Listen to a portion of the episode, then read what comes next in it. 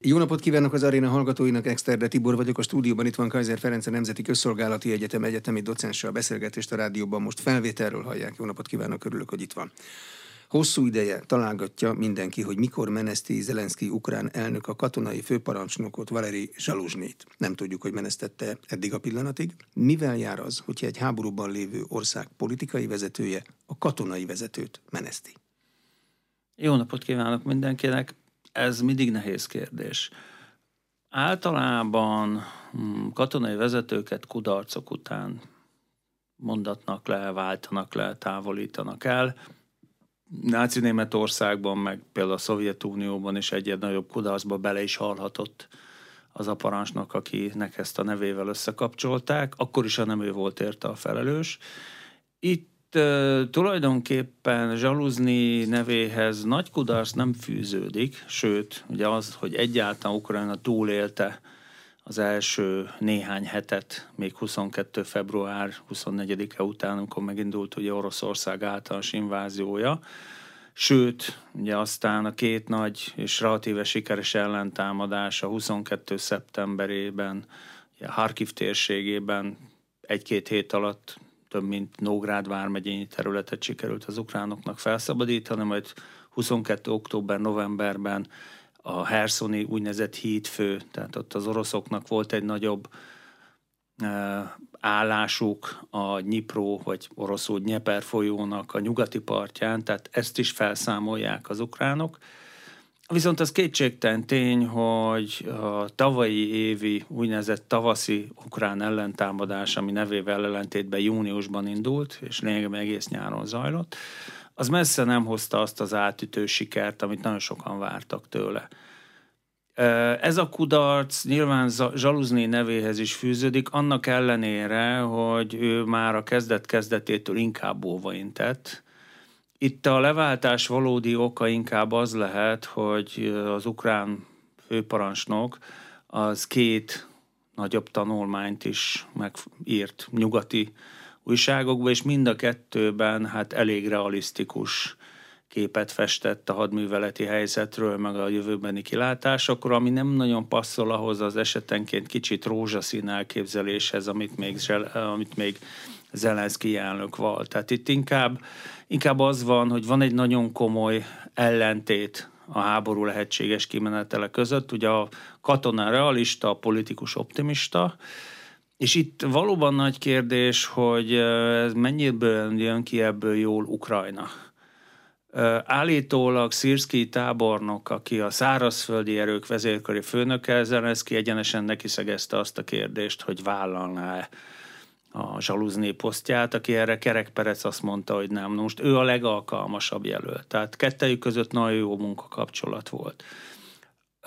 Jelenleg az ukrán haderő sikeresen védekezik a technikailag és tüzérségi lőszerben óriási fölényben lévő orosz haderővel szemben.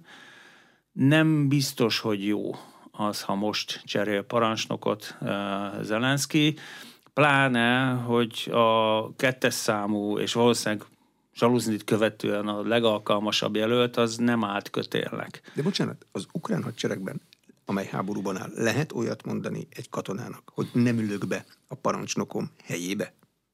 Mert nem értek egyet a politikai vezető döntésével. Békeidőben is elég furán hangzik. E, igen, de azt is látni kell, hogy nem, e, nem példanélküli. Tehát uh, nyilván az abszolút jó katona az engedelmeskedik a politikai parasnak, de az abszolút jó katonák ritkán nyernek háborút.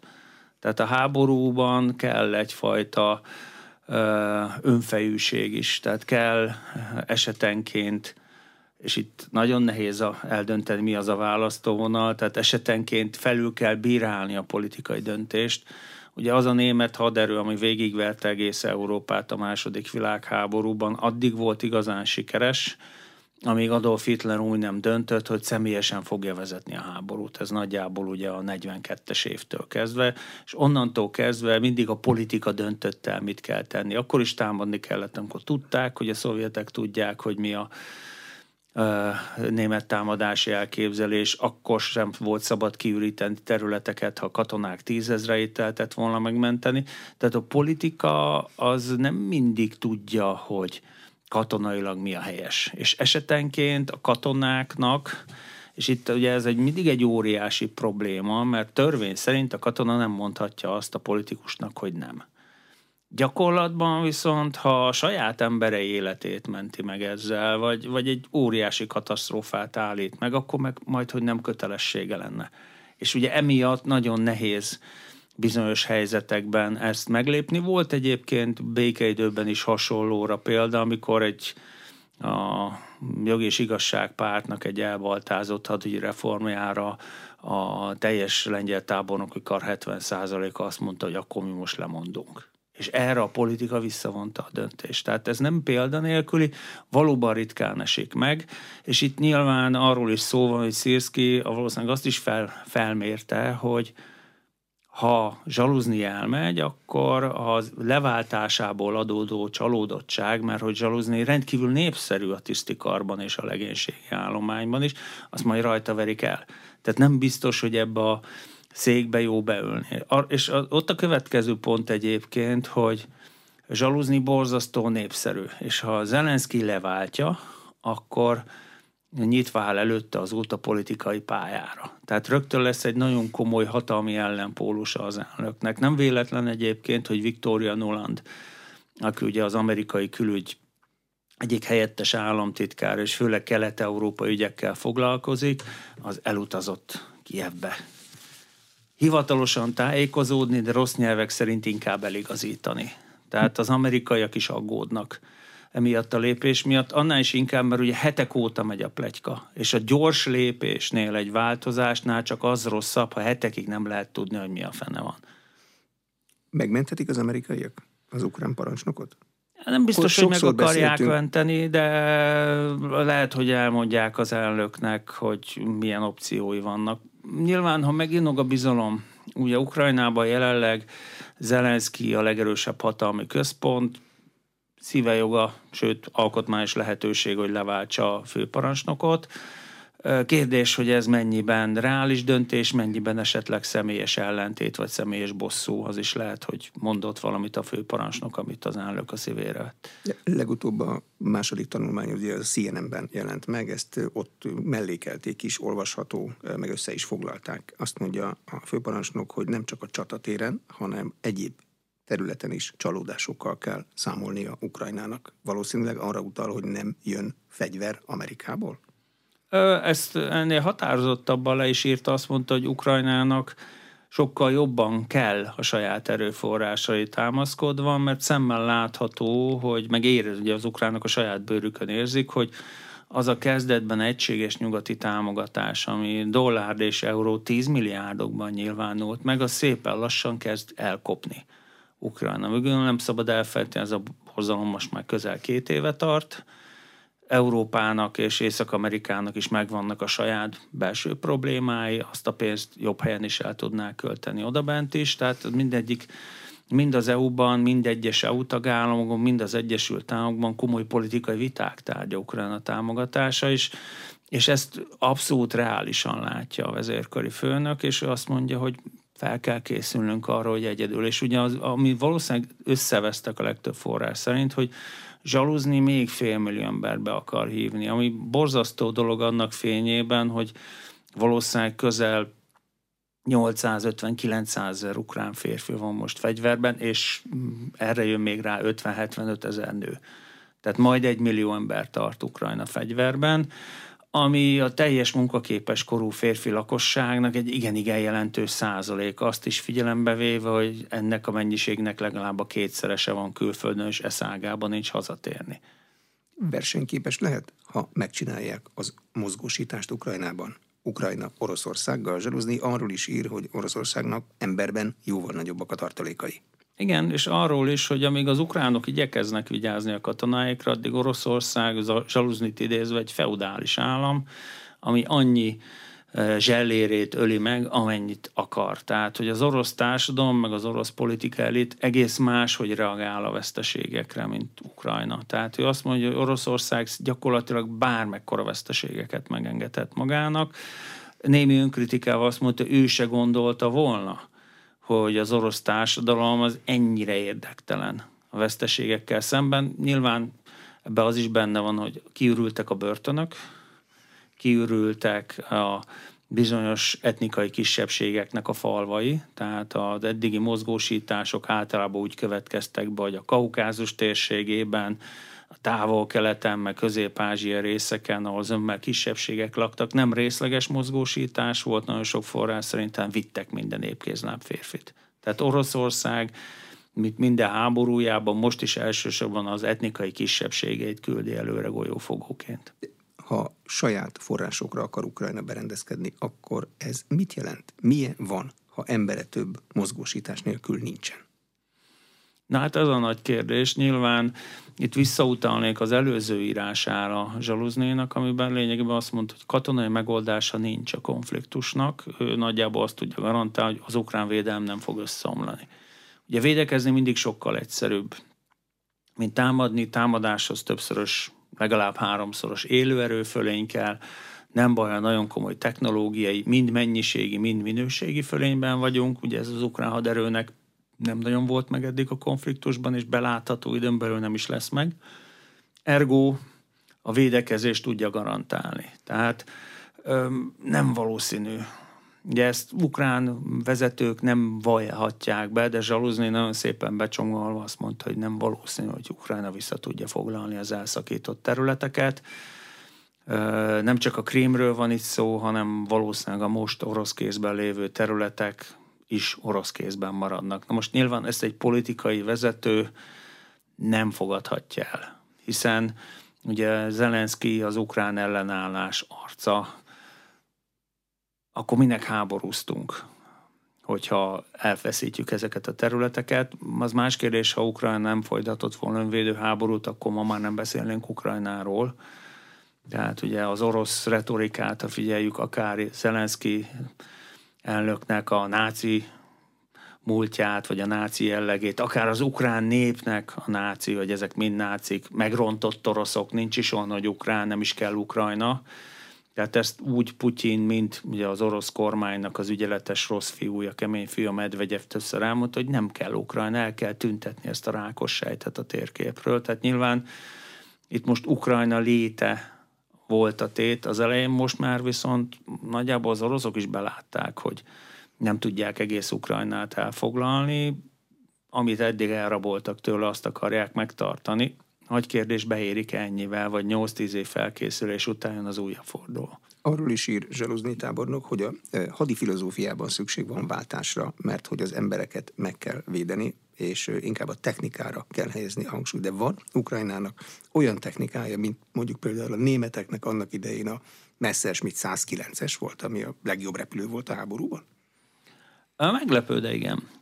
Tehát Ukrajna úgy veri rommá az orosz haditengerészetet a Fekete-tengeren, hogy nincsenek is effektíve hadihajói. Az a kevés, ami volt, annak a nagy része megsemmisült, vagy maga a személyzet csülyeztette, például az Azovi tengeren lévő erőket, az Azovi tenger partvidékét, azt március közepére az oroszok végig ellenőrzék. Ugye onnan kifelé csak a Kercsi híd alatt lehetett volna eljutni, amit az oroszok nagyon komolyan őriztek Nikolajev, ami ugye a fő ukrán kikötő, azt eh, nagyon megközelítették az orosz páncélos ékek, ezzel az ott lévő hajók nagy részét vagy megrongálták, vagy elsüllyesztették az ukránok. Na most ehhez képest az orosz haditengerészet elképesztő veszteségeket szenvedett, zömmel különféle pilóta nélkül repülőeszközök, és eh, szintén eh, személyzet nélküli távvezérelt vízi hát nem is tudom, öngyilkos motorcsónakok, öngyilkos tengeralattjárók,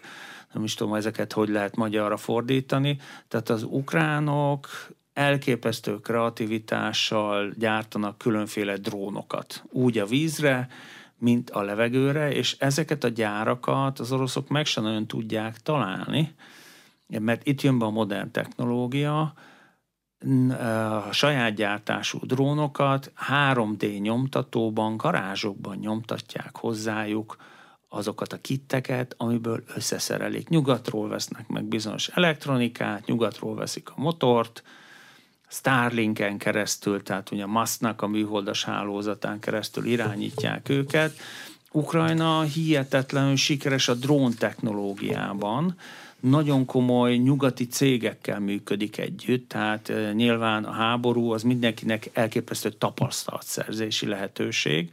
A nyugati cégek is nagyon sokat tanulnak, tanulnak az oroszok is, meg a kínaiak is, meg az irániak is.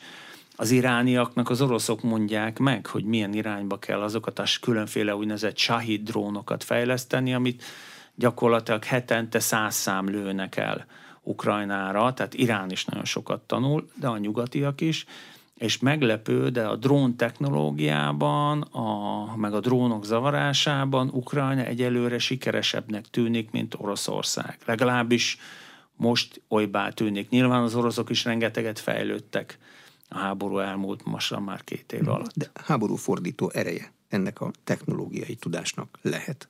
Vagy katonát mindig kell küldeni majd? Hát mindig. Valamennyi katonára mindig van szükség. Nyilván a drónokkal lehet minimalizálni az emberveszteséget. Ugye elképesztő felvételek vannak, nagyon sok orosz támadásnál, hogy megindul az orosz páncélos oszlop, és akkor pillanatokon belül gyakorlatilag, mint egy feldühödött mélyraj, tucatnyi ukrán drón kezd minden irányból záporozni rájuk.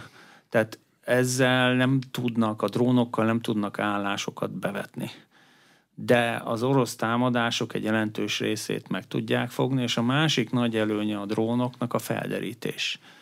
Tehát lényegében minden kilométerén a frontszakasznak, mind a két oldalon egyébként, eh, legalább kettő-három, néha öt-nyolc ilyen apró szöcske, tehát amit a magyar boltokban is meg lehet venni, azok az ekkora mobiltelefonnal irányítható drónok lebegnek, hihetetlen felbontású kamerákkal, olyan minőségű képeket, mozgóképeket tudnak készíteni, mert mondjuk a második világháborúban úgy volt csak állam, hogy akkor használt fényképezőgépek egy része akkor volt, mint mondta, most ez az asztal.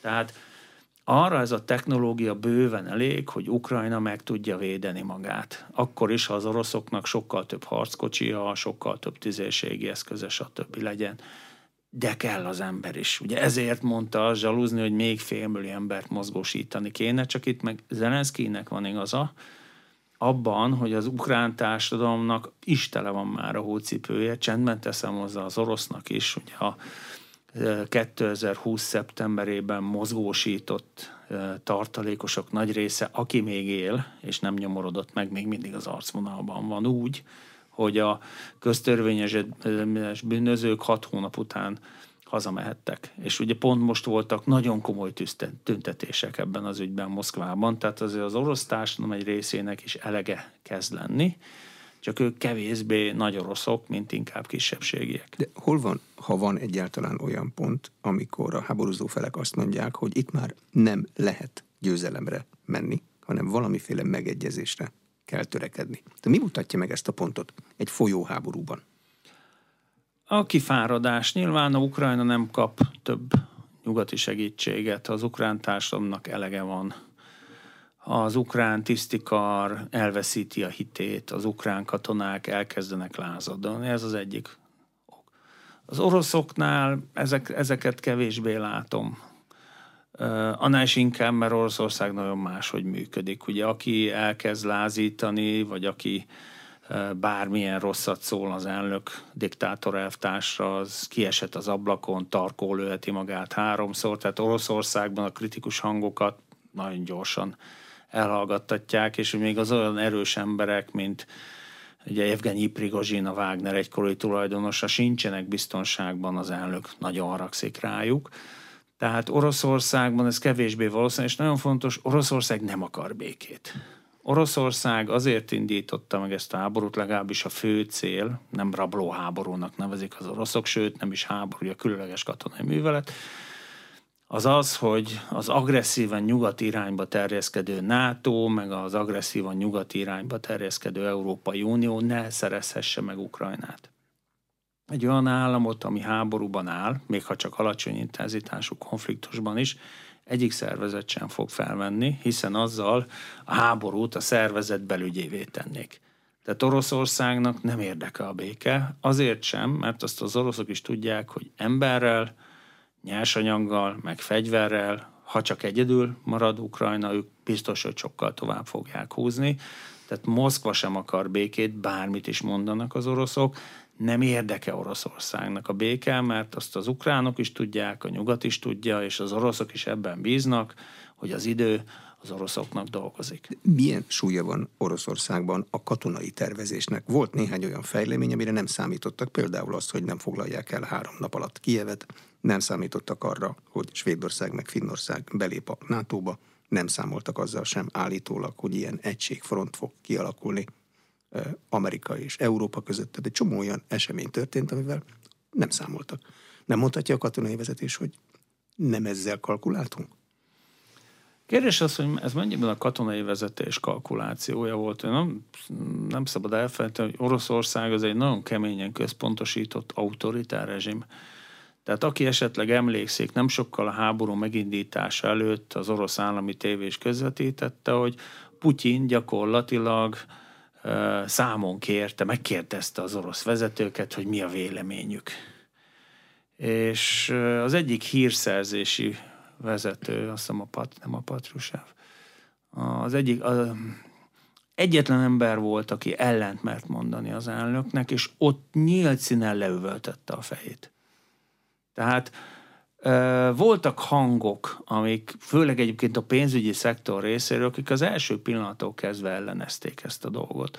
Voltak olyan katonai vezetők, nyilván nem az elnök belső bizalmi körére gondolok, mert sem a védelminisztert, aki egyébként hadseregtábornok úgy, hogy nem volt katona, hivatásos katonatiszt, ugye Solygóról beszélünk, mint pedig a vezérkari főnököt, ugye Gerasimov hadseregtábornokot, nem sorolhatjuk ide, akik az első pillanattól kezdve mondták, hogy egy 600 ezer négyzetkilométeres jó, levonjuk belőle Donbass, meg levonjuk belőle a Krímet, tehát mondjuk egy 540 ezer négyzetkilométeres, 40 milliós ország elfoglalására 180 ezer katona nem lesz elég. De ugye az volt a politikai, és ez nem a katonák mondták, az volt a politikai felvetés, hogy az ukránok nem is fognak védekezni. Tehát biztos, hogy az orosz katonai tervezők részéről mondták azt, hogy egészen egyszerűen 180 ezer ember egy ekkora feladatra nem elég. De a politika azt mondta, hogy elég lesz, mert az ukránok nem fognak védekezni. Most onnantól kezdve, hogy az ukránok elkezdtek védekezni, az egyértelműen kiderült. Tehát 180 ezer ember, egy három és fél milliós város, ugye Kiev és az urbanizációja legalább ekkora volt, elfoglalására sem elég. Már pedig az oroszok egyszerre akarták elfoglalni Kievet, Harkivot, meg Odesszát, most ebben a három nagyvárosban együtt jóval több mint 5 millió ember lakik. Hogyan kell kalkulálni egy katonának ukrán részről azzal, hogy nem sokára, ha vége van a télnek, el kéne kezdeni a mezőgazdasági munkákat, például a földeken, amit éppen nem lőnek, vagy nincs elaknásít, hogy azokat ki fogja csinálni, amikor a férfiak fegyverben vannak. Hát ugye 50 fölött azért egyelőre maximum önkéntesként vannak a katonák, és nem is annyira a fronton a nőknek, meg az időseknek, meg egyébként a fiataloknak a szerepe is felértékelődött most Ukrajnában. Valóban, és ez nem csak ukrán probléma, ez az egész világ probléma, hiszen Ukrajna a világ egyik éléskamrája volt a konfliktus előtt. A 21-es évben több mint 100 millió tonna élelmiszer termett Ukrajnából, és ebből közel 50 millió tonnát Ukrajna tudott exportálni. Jelenleg a művel területeknek körülbelül az egy tizede az elképesztően szennyezett, fel nem robbant lőszerekkel és aknákkal, vagy ténylegesen harcok zajlanak rajtuk. A frontvonalhoz közeli részeken sem célszerű a mozgás, egyik oldalon sem. Tehát az oroszok által elfoglalt területeken sem lehet békésen szántani, vetni mert a tűzfelderítő lokátorok döntő többsége nem tudja eldönteni, hogy az traktor vagy harckocsi. Lát egy, lát egy nagyobb méretű mozgó vasdarabot, és akkor automatikusan lőnek rá, tehát hogy a frontvonaltól egy mind a két irányba egy legalább 25 kilométeres sávban életveszélyes mezőgazdasági munkákat végezni. Annál is inkább, mert nagyjából ugye a frontok most már közel egy éve és három hónapja nem változtak, ergo ebben a sávban rengeteg fel nem robbant lőszer is van. Ha egy éve és három hónapja nem változik a front, akkor ez egy adja magát, hogy ez lesz egy demarkációs vonal, és ez lesz az új határ? Vagy ez, ez nem így egyre valószínűbb egyébként. Tehát ö, a 22-es évben oda-vissza mindennel együtt több mint 140 ezer négyzetkilométer cserélt gazdát sőt, még, több egy picit. Attól is függ, mert ugye az oroszok, a nagy, tá, nagy orosz támadások, azok néhány főútra korlátozódtak, tehát nem foglalták el azokat a területeket ténylegesen az oroszok, amiket beszíneztek nekik a térképeken. Viszont a 22 novemberében, november végére leálltak ezek a nagy mozgások, az azóta gazdált területeket pár száz négyzetkilométerben érjük. Tehát minimális területek cseréltek gazdát. Ez egyre inkább arra mutat, hogy valamiféle Panmunjom típusú megegyezés fog körvonalazódni. Ugye a két kóra között így ért véget a Panmunjomi tűzszünettel, félig meddig a kórai háború, a mai napig nincs béke a két ország között. Csak hát ezt egyre többen mondják ki nyugaton is, egyre többen látják Ukrajnában is, ugye valószínűleg zsalúzni is erre próbált utalni, csak sem az ukrán, de még annyira az orosz politikai vezetés nem akar ebbe belemenni.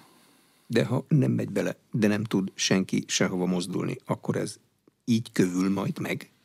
És az nagy oroszok, erődítések lesznek az, mind a két oldalon? Az, az oroszok az időben bíznak, ugye még tavaly november elején Solygó védelminiszter egy fórumon mondta, hogy ez a háború legalább 25 nyaráig tartani fog.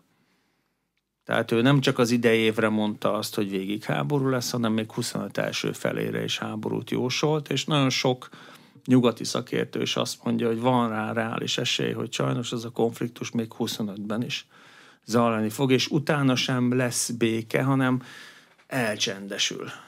Tehát lemegy, arról a szintről, hogy naponta százak halnak, meg arra a szintre, hogy mondjuk napi egy-kettő, hogy nem nehéz tüzérség lövi egymást a két oldalon, nem drónok ezrei cirkálnak a levegőben, hanem mesterlövészek lövöldöznek egymásra, meg néha aknavetős támadások, amilyen egyébként volt a helyzet 15 őszétől, ugye a Minsk 2 megállapodás után, egészen 22 februárjáig. Kritikus infrastruktúrát tudja támadni Ukrajna orosz területen? Mert Oroszország mintha tudná támadni ukrán területen. Igen, ez egy érdekes stratégiai váltás volt az ukránok részéről, hogy elkezdték az orosz energetikai szektort támadni. Nagyon sok és különféle drónt gyárt Ukrajna, köztük olyanokat is, amik akár 800 ezer, 1200 kilométerre is elrepülnek, nem nagy mennyiségű, 20-25 kiló robbanóanyaggal, de ha ezt egy kőolajfinomító területén robbantom, sikerül vele eltalálnom egy olajtároló, vagy benzintároló nagyobb tartályt, vagy a finomítónak azt a részét, ahol nagyon sok gőz van, ugye ahol a lepárlás zajlik, vagy egy földgázállomást, akkor az az 20-30 kiló robbanószer és komoly károkat okozok. Az elmúlt lassan két hétben számos orosz energetikai elem földgáztározó, földgáz exportkikötő, olajfinomító értámadás, és ezek ugyan emberéletben nem okoztak jelentős kár, de ugye a orosz ember is ember, tehát rengeteg videófelvétel, telefonról készített, ilyen minőségű videót lehet megnézni az esetekről, bizony nagyon komoly tüzeket okoztak. Tehát nyilván olyan átfogó támadásokat Ukrajna nem tud indítani az orosz kritikus infrastruktúra mint az oroszok az ukrán ellen, hiszen Oroszországnak egyrészt hatalmas spektrumú fegyverrendszere van, amivel nem, hogy Ukrajna területét le tudják fedni, hanem egyébként ad abszurdum Nagy-Britanniáig, meg a spanyol határig le tudják fedni egész Európát a saját területükről de legalábbis az Uráltól nyugatra lévő részek nagy részét Ukrajna nyilván messze nem olyan pusztító képességekkel, az Iskander robbanó feje 500 kilós, az ukrán drónok meg 20-25 kiló robbanó rendelkeznek, de ezek a tűszúrások, ezek presztíz szempontból is óriási vesztesége, veszteséget jelentenek az oroszok számára, hiszen ugye a háború, akarom mondani, a különös katonai művelet kapcsán az volt az egyesség, hogy az orosz lakosság nem tüntet, nem nyilvánít nyíltan vélemény, cserébe biztonságban lesz. Na most ugye ez a biztonságban vagyok, ez már többször sérült. Ugye a Krím de facto nyaraló helyévé vált az oroszoknak, pláne 22. februárja után, amikor lezárult előttük a nyugati világ. A Krímet most már napi szinten érik ukrán támadások, nem mehetnek oda nyaralni az emberek. Oroszország szerte vannak kisebb-nagyobb robbantások, tehát most már az orosz lakosság is kezdi a saját bőrén érezni háború hatásait. Nem tudjuk, hogy ennek lesz-e bármi látható következménye. Ugye az orosz elnökválasztás valószínűleg előre le van vajazva, tehát mindenki száz százalékig biztos benne, hogy Putyint kvázi újra választják de azért az orosz társadalom feszültsége nő. Amit visszautalnék az előző részben elmondottakra, a katona feleségek, katonanyák tüntetése is jelez. Pár száz elszán nőről van szó, de azért mutatja, hogy a hatalom gondban van, hogy nem verték őket PP, nem hurcolták el őket a rohamrendőrök, tehát azért a rezsim sem tudja, hogy most mit tegyen, mert hát Ugye azt vesszük figyelembe, hogy orosz adatok szerint 700 ezer katonáik van Ukrajnában, az 700 ezer család problémája.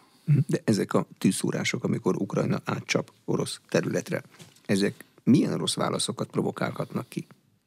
Tehát mit mérlegel ilyenkor az orosz politikai meg katonai vezetés, hogy most lebombázza mindent a rendelkezésre álló eszközeivel Ukrajnában, vagy nem? Ugye nem nagyon tudnak mit eszkalálni az ukránok. Tehát, hogy az oroszok eddig is folyamatosan támadták Ukrajnát, sőt, most már ugye az ukrán légvédelem egyre kevésbé hatékony, mert kezdenek kifogyni a rakétákból, különösen az amerikai típusú légvédelmi rakétákból van egy hiány, hiszen ugye a elnökválasztási harc részeként a republikánusok tudatosan szabotálják az Ukrajnának, nyújta, Ukrajnának nyújtandó mintegy 60 milliárd dolláros katonai segélynek a jóváhagyását, tehát valamikor tavaly december 1-én ment el az utolsó nagyobb amerikai fegyvercsomag. Most ennek ellenére, hogy kevesebb, arányában is kevesebb támadóeszközt tudnak lelőni az ukránok, nem nőtt az orosz támadásoknak az intenzitása. Valószínűleg azért, mert ők is kifogytak az eszközökből. Tehát azért egy Iskander rakétának az ára két millió dollár. Ennek a hiperszónikus verzió, verziójának, a kincsálnak, az nyilván orosz adatokra nem támaszkodhatunk, ennek az árát három és fél négy millió dollárra becsülik egyetlen egy rakétának. Tehát ezekből Moszkva sem rendelkezik ezer szám. És ugye Moszkva már minden tabun át, mert minden területet lőtt, egészen Lembergig, vagy Rivig, ugye, hogy az ukránok nevezik is, folyamatosan lövik Ukrajna területét, tehát az ukránok nem tudnak mit eszkalálni. Ugye egyetlen egy szintet lép, nem lépett meg még az agresszió folyamán Oroszország, atomfegyvert nem vetett be, de annak se lenne sok értelme. Tehát a nemzetközi megítélését Moszkva egy dologgal tudná még jobban lerontani, az atomfegyver bevetésével. Ha atomfegyvert vetne be Ukrán ellen, azzal valószínűleg még Kína szimpátiáit is elveszítené, és nem nyerne vele semmit. A saját közvetlen szomszédságában vetne be atomfegyvert, a nukleáris szennyezés egy jelentős része az uralkodó szélirány miatt visszaszállna Oroszországra. Nézzék meg a kedves nézők, hallgatók a Csernobili katasztrófa utáni térképeket. Ugye Csernobil Ukrajnában van, viszont a nukleáris szennyezés nagy része az uralkodó szélirány miatt Belarusba meg Oroszországba. A frontot nem lehet vele áttörni, mert az orosz csapatokat legalább annyira is pusztítana egy harcászati töltet, és amilyen állapotban két haderő van, a járműveknek a sugárvédelem nem biztos, hogy megvan oldva. Tehát egészen egyszerűen Moszkva már túl van minden olyan eszkalációs lépésen, amit megtehetett. Nyilván az ukránoknak arra nagyon vigyelniük kell, hogy tömegével leüljenek oroszokat. Nem is annyira az orosz válasz miatt, hanem mert Ukrajnának szüksége van a nyugati támogatásra. Azt meg nagyon nehéz eladni mondjuk Moszkvában vagy Szentpéterváron megöltünk két-háromszáz civilt. Tehát Ukrajnának sokkal inkább tekintetbe kell azt venni, hogy mi a nemzetközi közvélemény álláspontja az ukrán lépésekkel kapcsolatban. Oroszországnak nem kell foglalkozni a nemzetközi közvélemény, Ukrajnának muszáj. De az ukrán lakosság az támogatja, erre van bármilyen hiteles adat a háború, a védekező háború további folytatását? Amennyire tudjuk, igen. Nyilván egy háborúban álló országban, ahol egyébként erős cenzúra van, nem olyan brutálisan erős, mint Oroszországban, de azért az ukránok is komolyan cenzúrázzák a sajtót, tehát sajtószabadságról azért Ukrajnában sem beszélhetünk. De amennyire hozzáférhető ukrán közvélemény kutatásokból tudjuk, meg egy-két nyugati cég is végez telefonos és más egyéb közvélemény kutatásokat szemben Oroszországgal, az ukrán lakosság többsége még mindig támogatja az önvédő háborút, ugyanakkor a támogatás szintje nyilván folyamatosan csökken, és nagyon fontos, azokat kérdezik meg, akik otthon vannak. Akik ha elmentek Ukrajnából, azok akik nem elmentek, tudni, azok nem tudnak mit azon kívül, hogy megmenteni magukat. Meghalni nem szeretnének Ukrajna, az egész biztos. Tehát nem szabad elfelejteni, hogy megint csak becsült adatok vannak, valahol 7 és 10-11 millió között van az eredetileg 42 milliós ukrán lakosságból azoknak a mennyisége, akik már nem Ukrajnában élnek, és Ukrajna szempontjából az az igazi tragédia, hogy az ő többségük nem is fog visszamenni háború után sem Ukrajnába. De ez miért ilyen biztos? Ezt nagyon sokan mondják. Amikor Ukrajna elkezd újjáépülni, valószínűleg hatalmas segélyeket fog kapni.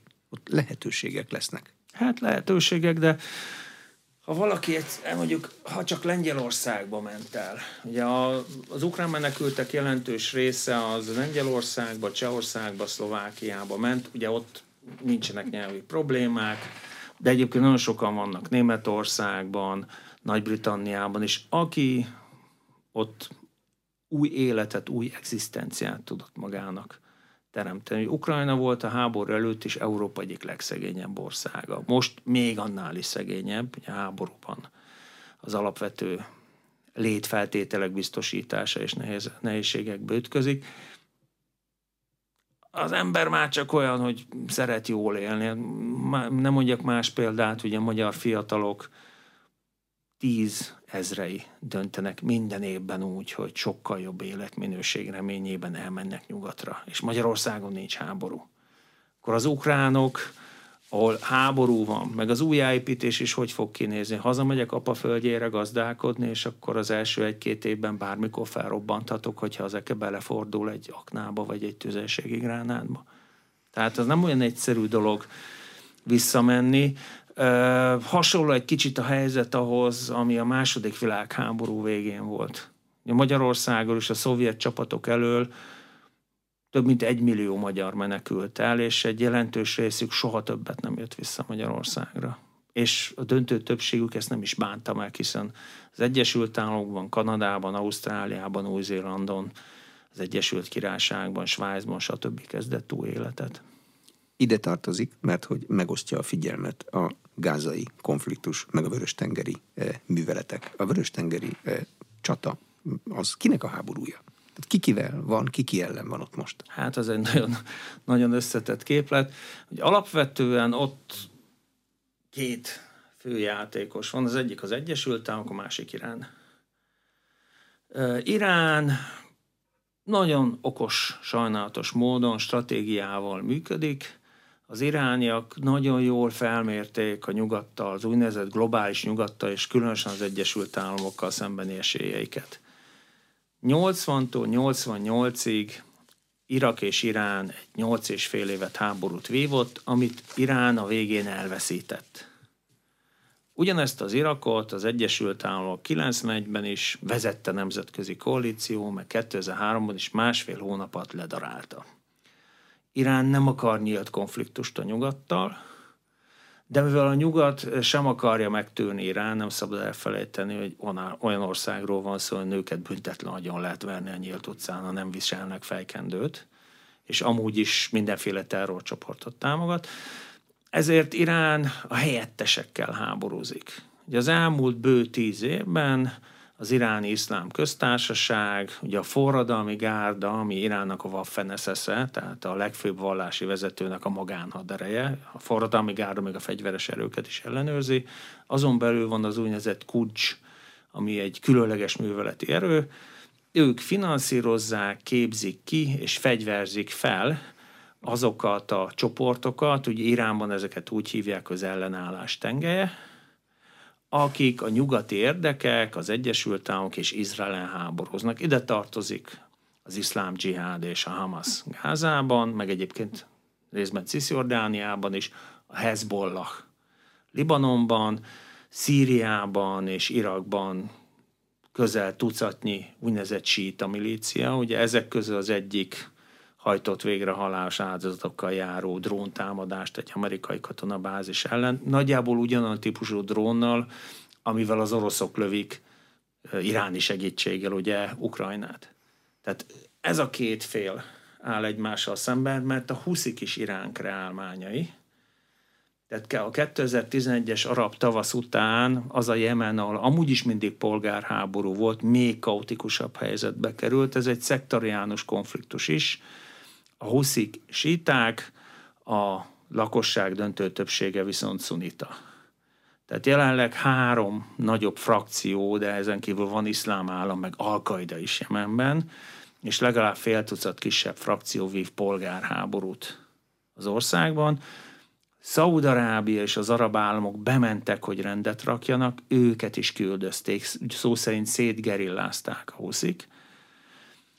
Irán a huszikon keresztül tudja az egész világot nyomás alá helyezni. Hogy? Úgy, hogy ugye ott megy el a világ egyik legfontosabb és legveszélyesebb hajózó útvonala, ami ugye Ázsiát, a közel-kelet kőolaj és földgázmezőit, mind kőolajból, mind földgázból, ugye a Perzsa arab öböl jóval több, mint az jelenleg ismereteink szerint meglévő készleteknek a 60%-a ott van.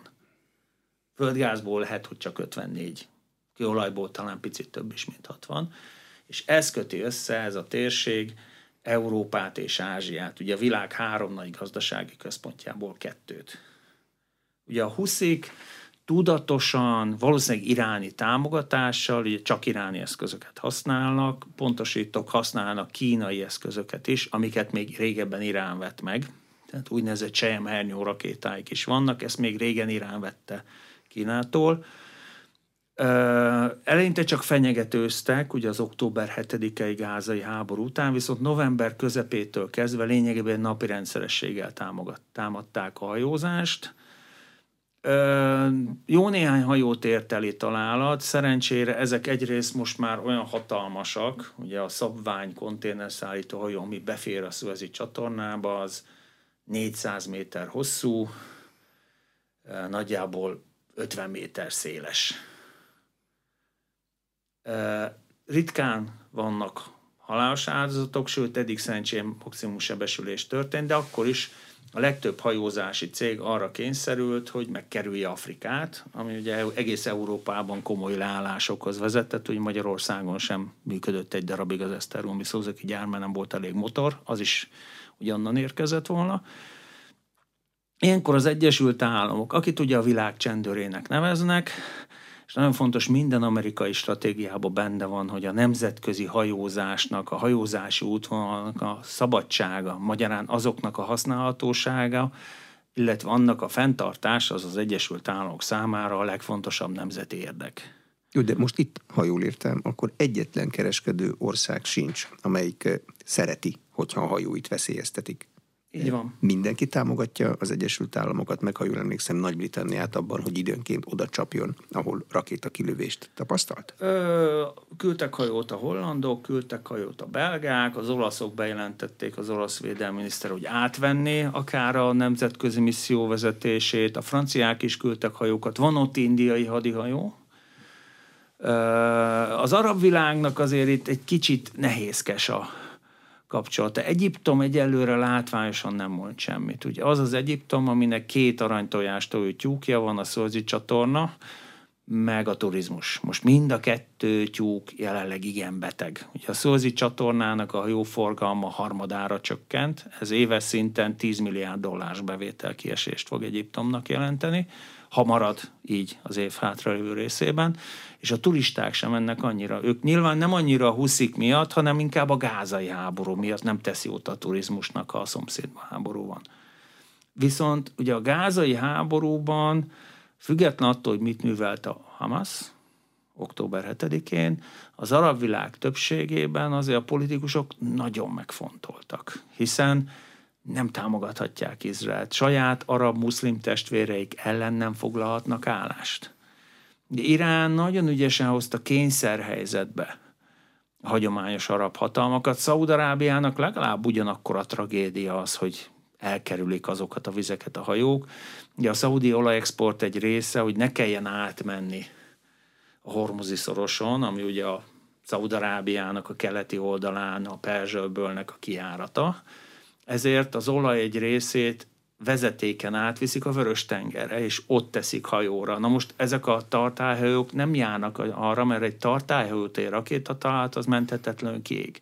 Tehát Szaudarábiának is probléma, Egyiptomnak is probléma, Ománnak is probléma, de nem léphetnek fel nyíltan, hiszen a huszik mit mondanak? Hát mi a palesztinoké harcolunk. A fenét. A huszik gyakorlatilag a teljes nemzetközi hajózás fenyegetik, és valószínűleg iráni utasításra. Mikor lehet vége katonai értelemben a gázai offenzívának? Most már gyakorlatilag az izraeli közlés szerint átmentek a teljes területen. Hát délen még ugye Rafa környékén van egy rész, amit nem foglaltak el az izraeliek, az a baj soha. Tehát ez a konfliktus nem most kezdődött. Ez a konfliktus tulajdonképpen még az első világháborúban kezdődött, a Sykes-Picot egyezménnyel, amikor a britek meg a franciák felosztották egymás közt a török birodalmat 1916-ban, utána 17-ben a Balfour nyilatkozat, amikor ugye a britek odaítélték a cionista mozgalomnak, odaígérték, amit akkor éppen Lord Rothschild, aki egyben a Rothschild bankház fejeként a brit birodalom egyik legnagyobb hitelezője volt, szóval odaítélték zsidó nemzeti otthonnak a területet, és ahogy megindul a betelepülés, azóta polgárháború van effektíve, sose lesz vége. Tehát az intenzitása csitul el időről időre. Nem szabad elfelejteni, hogy ha Izrael azt mondja, hogy kézbe fejeztem, akkor ott marad egy porigromból terület érdemes egy-két képet megnézni, döbbentes képek vannak. Tehát a gázövezet nagy része most úgy néz ki, mint mondjuk Berlin a második világháború végén, vagy mondjuk mint Stalingrad, amikor Paulus hatodik hadserege letette a fegyvert. Tehát gyakorlatilag szét van lőve, porig van rombolva az egész. Nincsenek működő közművek, nincsen működő ivóvízszolgáltatás, nem működik az egészségügy, éheznek az emberek, szomjaznak az emberek, nagyon komoly fertőző betegségek vannak már most, és a WHO-tól kezdve minden egészségügyel foglalkozó intézmény azt mondja, hogy és ha ott berobban valami, ez nem fog megállni a kerítésnél, mert az izraeli csapatok beviszik Izraelbe is. Tehát akkora a nyomor, akkora az elkeseredés, és akkor még nem beszéltünk, a, most már ott tartunk, hogy majdnem 30 ezer áldozat családtagjairól, akkor lesz a bosszúra való igény, hogyha Izrael le is vadásza az összes Hamas terroristát, lesz egy Hamas 2.0. Kaiser Ferenc a Nemzeti Közszolgálati Egyetem egyetemi docense volt az Inforádió arénájának vendége. A beszélgetést a rádióban most felvételről hallották. A műsor elkészítésében Módos Márton főszerkesztő vett részt. Köszönöm a figyelmet, Exterde Tibor vagyok.